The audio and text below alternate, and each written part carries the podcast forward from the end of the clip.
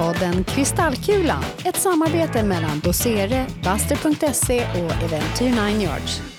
Varmt välkommen du som lyssnar på världens bästa trendpodd Kristallkulan. Och precis lika mycket välkommen till en av de bästa trendspanarna i världen, nämligen Bobo Wekensam! Wow, hej, tack så Och Jörgen Ramnelöv! Vilket fantastiskt välkomnande. Tack Martin. Och jag själv, Martin Li. Jag jobbar som strateg och ska försöka leda det här samtalet så gott det går. Vi har tre spännande ämnen.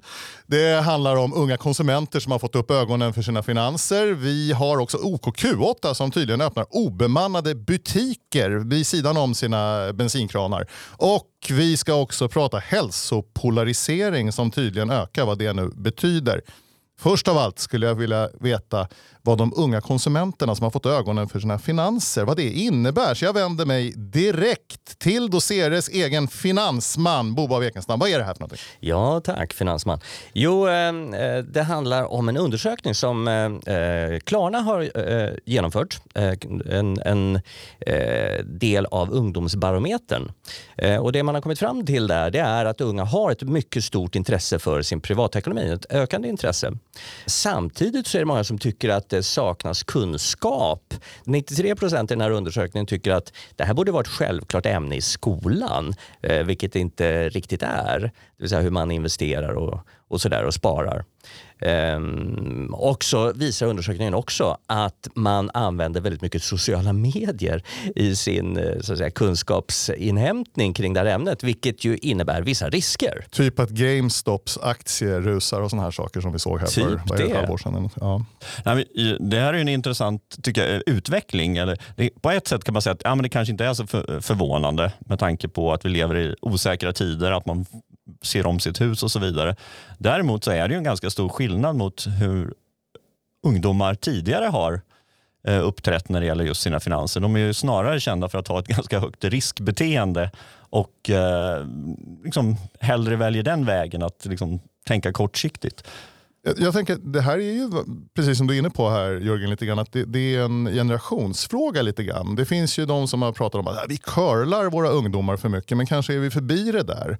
Att det faktiskt i själva verket var baby boomers och generation X som blev kanske inte curlade men hade väldigt goda ekonomiska förutsättningar. Det fanns ett samhälle som bygg, tog hand om dem i form av fungerande pensionssystem och annat. Och nu är det faktiskt så att det här är den generationen som inte egentligen räknar med någonting. Ska man göra någonting då får man ta hand om det själv. Kan det vara så? Precis, ja, men det, för det finns ju en hel del värderingsstudier gjorda på ungdomar som ju visar att eh, de senaste åren som har visat att eh, deras framtidstro är ganska dyster. Om man jämför framförallt just som du säger med baby boomers och generation X och Y och sådär så har ju de alltid tänkt att ja, men vi kommer att få det bättre än våra föräldrar. De här, den här gruppen svarar ju inte det. Nej. Eh, En undersökning visar till och med att eh, det är eh, en väldigt hög andel som anser att vi kommer bo sämre än, än vad, vad jag har gjort när jag har bott hos mina föräldrar, även alltså framöver, om, om 30 år när jag själv blir vuxen. Så att det är en, en viss mm, pessimism. Ja, det man kan hoppas på då är ju att det kanske då man använder det här som lite bränsle och drivkraft i den här gruppen. Att de känner liksom, nej men jag måste ta tag i det här och verkligen, och det var väl kanske lite där du var inne på Martin förut, att man, man behöver, liksom, ja, det är inte någon annan som kommer att eh, Ja, men- fixa det här. Ja men lite så är det. Det finns ju ett sånt här gammalt eh, uttryck att eh, den där personen är minsann född med uh, silversked i mun och att det är lite så här spefullt. Det är någon som har lite för bra, som inte behöver anstränga sig. Och jag tror faktiskt att det kanske ligger någonting i det. Att om man måste anstränga sig så, så driver det på också intresset för att okay, hur ser det faktiskt ut där ute. Så att, eh, det kan vara så. Håller helt Mm. med. Eh, Det är ju ingen slump att det är väldigt många entreprenörer bland eh, eh, sådana som är nytillkomna i Sverige.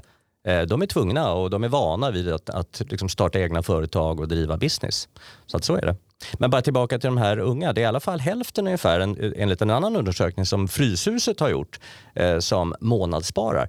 Vilket i och för sig är en låg siffra jämfört med resten av Sverige där det är över 80 procent som sparar varje månad. Och jag blev lite förvånad när jag såg beloppet, medelbeloppet som svensken sparar är eh, över 5 000 kronor i månaden. Mm. tyckte jag var ett rätt högt belopp. Mm. Det sparar inte jag. Å ena sidan kan man betrakta det här som kanske lite eh, dystert på det här, liksom, att man har liksom en ganska eh, blek framtidstro. Men samtidigt så finns det nog någonting bra i det också. Att vi liksom håller på att liksom skapa en ökad medvetenhet om det här. Det här är trots allt en rätt viktig fråga.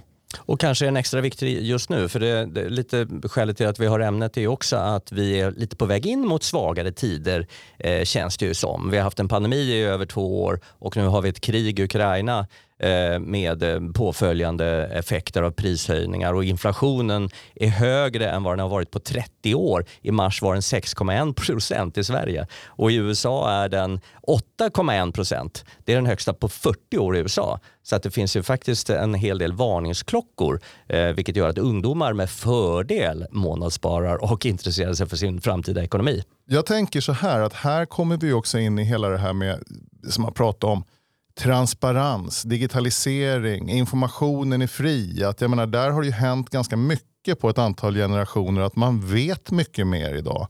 Det är inte lika självklart att leva i nuet bara, även om ungdomar kanske helst skulle vilja det. Men de har så mycket koll på vad som sker där, där ute att de behöver förhålla sig till ett lite längre perspektiv. Och det är väl det är väl sunt kan man mm. tycka om man strävar efter hållbarhet och annat. Ja, nej, men här finns det också ett antal lärdomar att hitta i det här. Liksom både från, från som du just nämnde Bobo, här med att skolan, folk vill, barnen vill lära sig om det här och vara förberedda.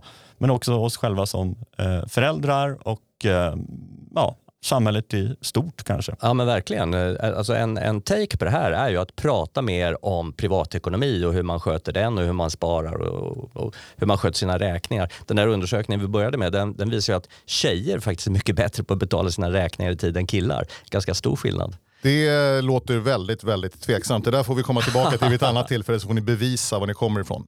Vi har inte tid med det nu. Eh, vi går vidare till att OKU Q8 öppnar obemannade butiker. Det har ju också faktiskt lite grann med ekonomi att göra. Man vill helt enkelt minska sina lönekostnader säger cyniken i mig. Men det finns väl annat i det här också? Det finns nog en, hel, en del andra drivkrafter i det där. Eh, nej, men just den här specifika nyheten är ju då att eh, OKQ8 nu planerar att eh, liksom, komplettera sitt eh, eh bensinnätverk, eller vad man kallar stationer, med att då eh, ha obemannade butiker istället för bemannade butiker då, i anslutning till dem. Och det här, det, det är ju en, OKQ8 är inte på något sätt först med det här. Eh, utan det här har vi ju sett under ett antal år nu, både internationellt och i Sverige, att de här obemannade butikerna börjar ploppa upp på lite olika ställen.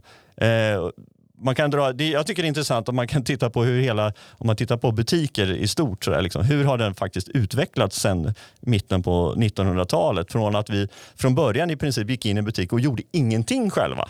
Vi gick in och sa ja, men jag vill köpa det här och det här och det här. Och så fanns det massa människor där som plockade fram och liksom paketerade och eh, gav oss en kassa och som betalade vi. Själv stod man vid en disk och gjorde exakt, sin beställning. Mm. Exakt. Och jag menar, så där var det ju faktiskt på bensinmackar också. Jag kommer ihåg en av de sista i Stockholm i alla fall. Det var nere på Strandvägen. Då var det också sådär att det kom fram faktiskt en, en äldre man och, och tankade åt en.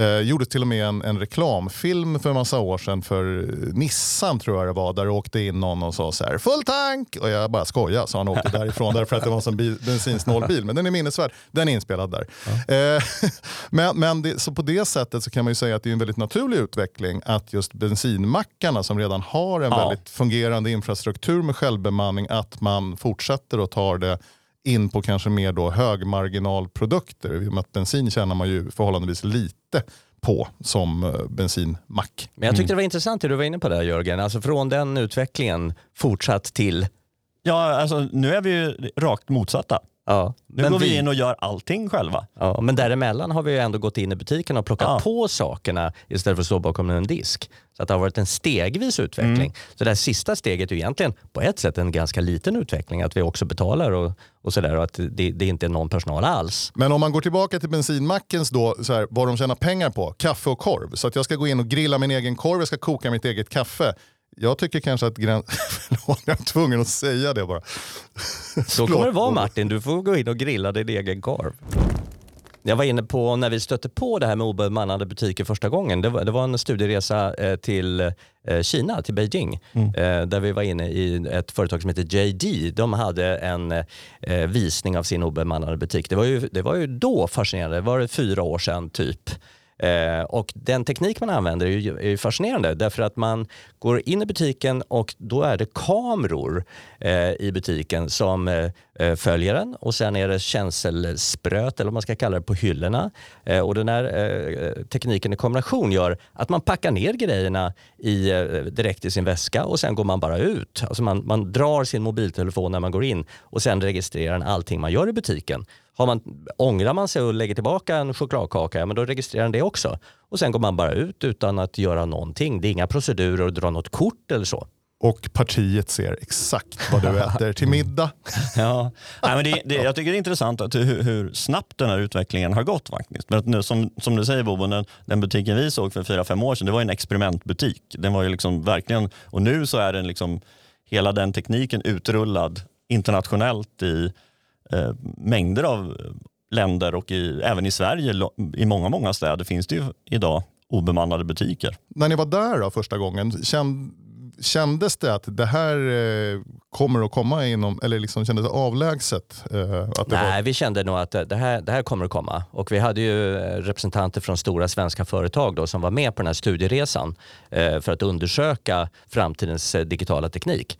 Och eh, där kunde man väl ana att de kommer nog ta den här tekniken till Sverige, eh, vilket de också har gjort ja, bland, bland annat vår kund ICA eh, vet jag har ju väldigt bra koll på det här och är väldigt intresserad och har öppnat ett par butiker redan. Så att det, man kan väl nästan säga att den här trenden då faktiskt börjar nå någon form av, börja mogna lite grann. Kanske. Jag tycker det är intressant också att det finns en demokratiserande eh, aspekt på det här med obemannade butiker. För det har man ju också sett att vad, vad man kan använda den till är ju att liksom göra, tillgängliggöra eh, så här, butiker och olika typer av produkter och tjänster på ställen och tider där, där annars kanske inte har varit möjligt och framförallt inte ekonomiskt möjligt att göra det. För någonting vi har sett i Sverige är ju att de här obemannade butikerna placeras på kanske lite udda ställen. Ute på eh, liksom, i mindre samhällen, i liksom, ställen där det, där det helt klart hade varit helt orimligt ekonomiskt att ha en bemannad butik. PWC gjorde en undersökning för knappt ett år sedan eh, och, och där visade det sig att väldigt många var, var positiva till den här utvecklingen. Men det fanns en, en, en del, om det var typ 25 procent, som tyckte nej men det där med obemannade butiker, det vill jag inte gå in i för jag saknar det sociala.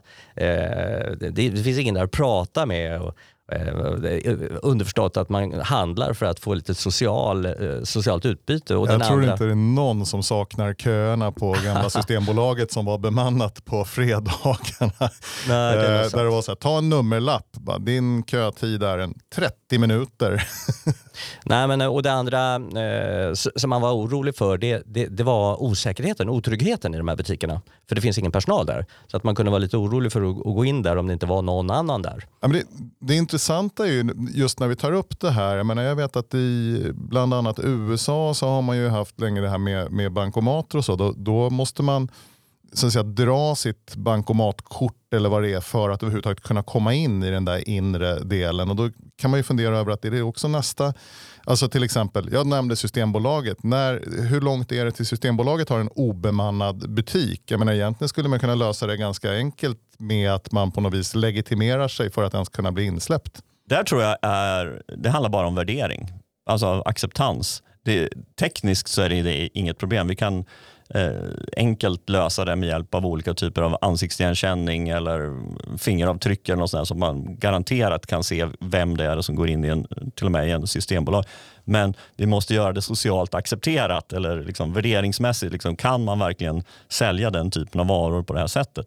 Och Det tror jag kommer att ta lite längre tid. Fast jag minns ju, jag är så pass gammal att jag minns när Systembolaget började med självbetjäning. Eh, tidigare var det som du eh, inledde med Jörgen, att man stod bakom en disk och beställde en sån flaska rött vin och en sån flaska vitt vin. Eh, bara att man fick gå in och plocka själv bland flaskorna kändes ju helt overkligt. Eh, men det, det, det är en värdering som, som känns väldigt naturlig idag. Jo, men det, det, vi har ju de här starka drivkrafterna kring dagligvaruhandeln överhuvudtaget med enkelhet, bekvämlighet, snabbhet. Och det, det är, ju, eh, Systembolaget är ju inte opåverkade av den utvecklingen heller. Det är inte, inte OQ8 heller. Vilket ju driver den här, de här utvecklingen framåt. Ja, verkligen. Det, det vi också skulle vilja liksom vilja leda in på när vi pratar om det här är ju, det är kul att OKQ8 gör någonting, men det, det handlar om det här med automatisering. Eh, och vi, vi eh, spanar på den här utvecklingen och är rätt övertygade om att den fortsätter i ganska rask takt. Så väldigt många jobb kommer helt enkelt bytas ut framöver. Eh, så sådana som har jobb som eh, står bakom en kassa eller sådär, de får nog börja fundera lite på att kanske eh, reskilla sig eller upskilla sig.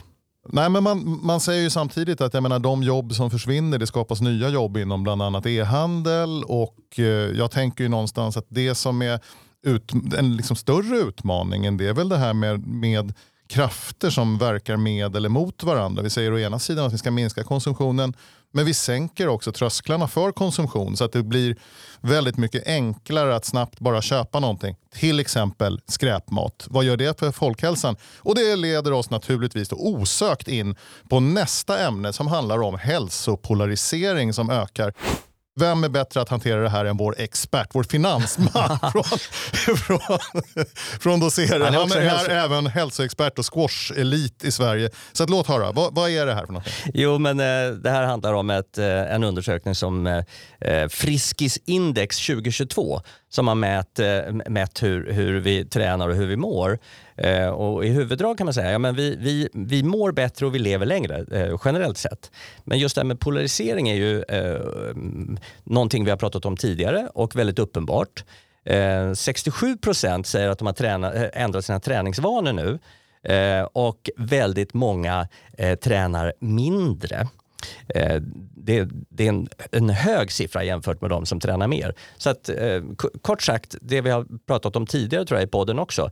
Eh, de som tränar eh, mycket, de tränar ännu mer och de som tränar lite eh, tränar ännu mindre. Och man har gjort tre nedslag. Man, man har mätt det här före pandemin, under pandemin och efter pandemin. Och det, det förstärks. Så att efter pandemin är det, är det ännu mer påtagligt. Men är det de som har valt att behålla sina gymkort? Jag menar gymkort är inte helt gratis. Då tänker man så här, äh, men jag ska så här, träna skiten ur det här gymkortet och vara där så här, flera dagar i veckan än vad jag har varit tidigare. Och de som har under pandemin bara så här, äh, jag avslutar det och tycker att det är ganska skönt att sitta i soffan och kolla Netflix istället. Är det en sån effekt vi ser? Är det så jäkla basalt? Ja, jag tror det. Jag tror att, jag tror att det, har, alltså det är en, nog en riktigt stark drivkraft till det här. Att folk har när, när gymmen stängde ner och man inte fick gå dit så där, liksom, nej, men då avslutar man sitt. Och det, det är mycket enklare att avsluta någonting än att börja någonting. Så det vi behöver göra nu är att påbörja en ny vana. Att om vi nu inte känner att vi har råd att gå på gymmet så behöver vi börja hugga ved, eh, bära tunga matkassar istället för att ta bilen. Eh, kanske faktiskt gå på sådana här utegym och, och lyfta stockar som parkförvaltningen har satt upp. Eh, ja, det, är, det är alltså. ett jättebra initiativ. Eh, jag tror också, man, vi pratar ju mycket teknikutveckling här i podden. Det är ett av våra kära ämnen. Och det man ju då kan konstatera är att väldigt mycket teknikutveckling går, liksom, är i, liksom, hindrar oss från att röra oss. Det gör oss ännu mera immobila. Ska vi vara i metaverse, ja men då sitter vi still på vår stol någonstans eller ja, kanske möjligtvis står upp. Eh, ska vi förflytta oss någonstans, ja men då åker vi elskoter istället för att gå. Men då, kan, men då, kanske i metaverse det behöv, behöver kopplas på en stegräknare så att man går runt där med sitt headset så kan man, ska man så trampa hela tiden och så har man varit på, på gym i metaverse. Ja, men man kan det låter tänka sig skittråkigt att, för övrigt men det är bättre att bära tunga matkassar och hugga ved. Och så. Ja, nej, men om man har ett VR-headset så, så eh, skulle jag nog säga att då rör man sig rätt mycket beroende på vad man har för applikation man, man jobbar med. Eh, men apropå teknikutveckling, eh, LG, elektronikföretaget, de, de har gjort en sån här lösning för cykelturer, en virtual ride kallar de det. Så då sätter man upp sin OLED-skärm och så finns finns det ju såna här grejer som man tar sin vanliga cykel och monterar i en träningsgrej så att man helt enkelt kan sitta inne och cykla virtuellt med sina kompisar. Egentligen inte särskilt revolutionerande och nytt men de har i alla fall lanserat det här ganska nyligen. Ja, men så, sånt vill vi 2022. se mer av. Ja. Alltså teknikutveckling som verkligen promotar och vad heter det, gör oss mer benägna att röra på oss. Som gör att det är roligare att röra på sig helt enkelt. Ja, men det var ju, var ju lite grann som Nintendo när de lanserade Wii för hundra Ja. år sedan. Men jag vet, köpte det till, till mina barn. 100 när de sedan, var, va? nej, det- tju- 10-15 år sedan kanske. Men när mina barn var, var små, då, då var ju det verkligen en så här, man sänkte min så här föräldratröskel. Behöver vi en ny tv-spelskonsol? Ja, vi måste få barnen att röra sig mer. De ska stå och spela så här, tennis på låtsas in i vardagsrummet istället för att faktiskt gå ut och springa i trädgården. Där har man ju lite grann faktiskt eh, kanske, mm, eh, ja, vad säger man, gett upp då. Vi avslutar som vi brukar göra. Eh, Jörgen, vad, vad skulle du vilja ankra lite specifikt i, i det här?